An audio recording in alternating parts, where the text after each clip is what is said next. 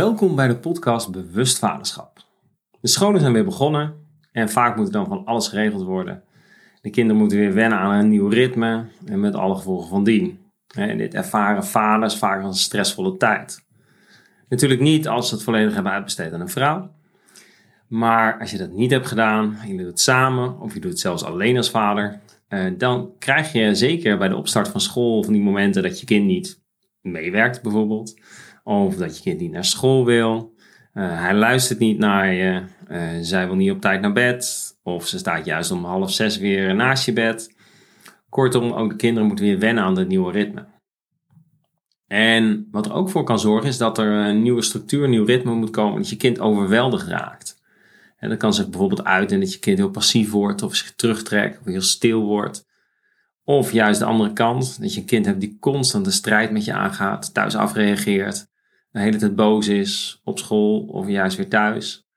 En het kunnen ook weer allemaal triggers zijn voor jou om vervolgens weer boos te worden en snel te ontploffen. Nou, mijn doel voor vandaag is om je bewust te maken van wat stress is en waar de stress kan ontstaan. En ik geef je ook praktische tools en handvaten die je direct kan toepassen om minder stress te ervaren. In de opvoeding, maar eigenlijk ook in de rest van je leven. Want ik werk en leef vanuit de visie dat het in essentie gaat om het ontwikkelen van persoonlijk leiderschap. Dus het gaat dus voorbij op food skills. Het gaat om persoonlijk leiderschap. En dat betekent het bewust worden en het werken aan jezelf. En dat maakt dus niet dat je niet alleen als vader, maar ook in je werk, in je vriendschappen en in je relaties groeit. En dat doe ik dus vanuit bewust vaderschap, maar ook vanuit Into Coaching.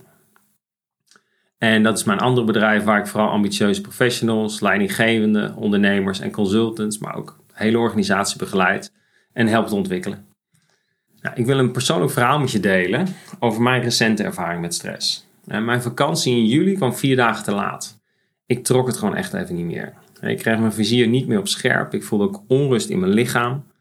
Ehm, onrust, ik kon niet plaatsen. Ik had het gevoel alsof ik geen controle meer had over mijn lichaam. Het was gewoon echt te veel. En ik ken dat gevoel. Uh, dan weet ik ook dat het te veel is. En dan moet ik ook direct actie ondernemen. Dus ik heb toen ook allemaal afspraken direct afgezegd. Nou, ik was in verwarring, omdat ik vind en weet ook dat ik een mooie balans heb in mijn leven. Van werk, werk wat ik niet ervaar als werk, maar juist super leuk vind. Ook heel dankbaar voor ben. Sporten, ontspanning, gezin. Ik ben ook altijd bezig met mijn gezondheid. Alleen een van mijn belangrijkste drijfveren is dat ik wil groeien. En het liefst op alle fronten in mijn leven. En ik heb ook doelen voor alle verschillende gebieden in mijn leven uitgewerkt. En zo weet ik waar ik heen wil in mijn leven. En waar ik achter kwam is dat ik te lang te veel had gedaan. Ondanks dat ik het heel leuk vind. Het was gewoon te veel. En om je een klein inkijkje te geven. Ik kon dan overdag uh, coachen en trainen. En dan s'avonds aan de slag met een groep vaders. Tussendoor nog even sporten. Er zijn voor de kinderen. Maar ook in de weekenden was ik bezig met webinars, podcasts, video's maken voor vaderschap. En natuurlijk ook over zaken die horen bij het runnen van een eigen bedrijf en ook een huishouding. Ja, ik heb zo'n moment van realisatie eens in een paar jaar. Dan loop ik dus tegen de muur aan. En ik doe dat dan, eigenlijk doe ik dan dus te veel op meerdere fronten. En ik werk hard, wat heel lang goed gaat, alleen niet houdbaar is op lange termijn. Het voordeel is nu, en zo, ja, die betekenis geef ik het nu maar, is dat ik het langer heb vol kunnen houden. Omdat ik eigenlijk bijna alles wat ik doe, dat ik dat gewoon heel erg leuk vind. Alleen het ging toch mis omdat er op meerdere fronten te veel werd gevraagd. Nou, ik besef me dan ook op zo'n moment dat er echt iets anders nodig is. Ik moet keus maken op wat ik wel wil gaan doen, maar vooral ook wat ik niet meer wil gaan doen. En dat vind ik nog wel eens lastig. En ik kan er op een gegeven moment ook resoluut in zijn. Dan stop ik direct met iets wat me stress geeft of wat me weinig oplevert. Nou, als jij nou ook last hebt en je bent aan het luisteren en je denkt van, oh ja, ik heb ook wel eens stress. En dan wil ik je vragen om de podcast even op pauze te zetten en te bedenken wat je niet meer gaat doen. En dat is vaak een heel lastige vraag, maar schrijf het eens voor jezelf op. In onze maatschappij worden we heel veel overvraagd en overprikkeld.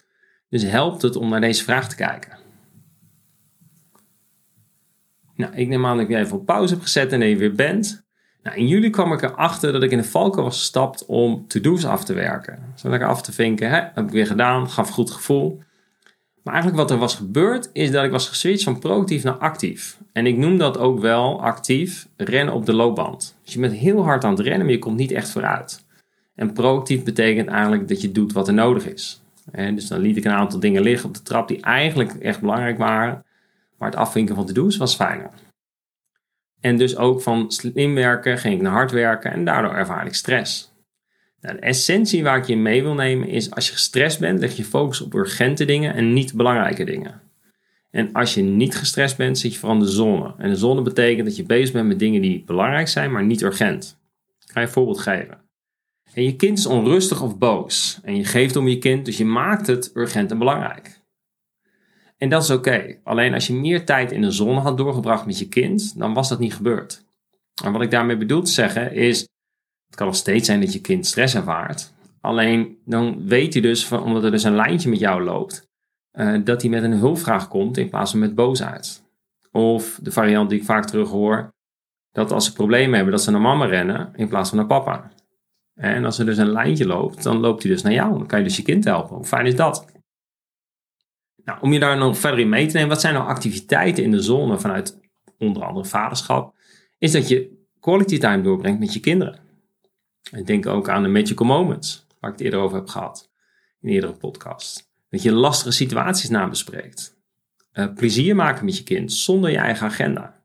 Maar denk ook zakelijk. Hè? Het werken aan een nieuw project dat misschien niet onmiddellijk aandacht vereist, maar op de duur wel een concurrentievoordeel gaat opleveren.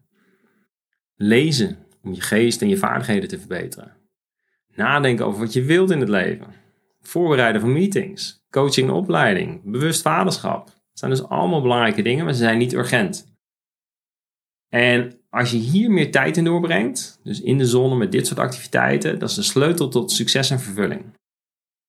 En ook ik loop nog steeds dus tegen problemen aan mijn kinderen. Alleen ze zijn hierdoor dus veel sneller opgelost. Doordat ik dan dus een andere focus heb. Dus meer in de zone zit. En waar ik dus concreet baat bij heb, zijn bijvoorbeeld die magical moments. Die één op één moment met mijn kinderen. En hierdoor reduceer ik enorm de problemen, maar ook de conflicten met mijn kind. En ik heb dan geïnvesteerd in een relatie. En ook nog stilstaan bij eventuele storingen die er spelen. Uh, en dat kan je enorm helpen. Niet urgent, maar wel heel belangrijk. Een andere is bijvoorbeeld of je de tijd neemt om vervelende situaties na te bespreken. Niet urgent, wel heel belangrijk. Om te voorkomen dat het de volgende keer weer gebeurt. Dus, en of ja, problemen te verminderen. En dat je ze ook ziet en reflecteert op jezelf. Ook een hele belangrijk stuk reflectie. En dat je denkt van, hé, hey, ben ik uh, al boos en wil het weer goed weer, uh, willen maken? Of was mijn kind nog niet rustig en wilde ik het alweer goed maken, waardoor het niet lukte? Nou, dat zijn dingen waar je dan naar kijkt. Nou, we zijn aan het einde gekomen van deze podcast. En de volgende keer ga ik hier verder op door. En dan gaan we kijken naar de urgentieverslaving van veel volwassenen. Dat is een leuk onderwerp. Gaan we lekker verder mee. En voor nu kan je wellicht bedenken welke niet urgente, maar wel hele belangrijke zaken je met en voor je kinderen kan gaan oppakken. Dus welke problemen kan jij bijvoorbeeld al voorzien en dus voor zijn voor je kind? Om je een voorbeeld te geven, kan je nu al rekening houden met de vermoeidheid of de onrust in aanloop van uh, de verjaardag van je kind. Ik heb een bepaalde periode, mijn oudste zoon is autistisch, gaf ik twee weken van tevoren zijn cadeau al, waardoor we veel meer rust ervaarden en de verjaardag gewoon goed gingen. Of denk bijvoorbeeld aan de laatste weken voor de herfstvakantie. Ik begeleid, ik coach heel veel uh, schooldirecteuren, maar ook leerkrachten. Ja, die kunnen het al uittekenen wat er dan gebeurt. Dat kinderen onrustiger, meer vermoeid. Uh, en dat kan jij als ouder ook. Dus is het dan een goed idee om het weekend ook vol te plannen of juist wat meer rust te creëren?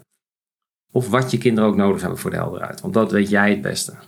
En wat moet je dan juist wel doen of niet doen?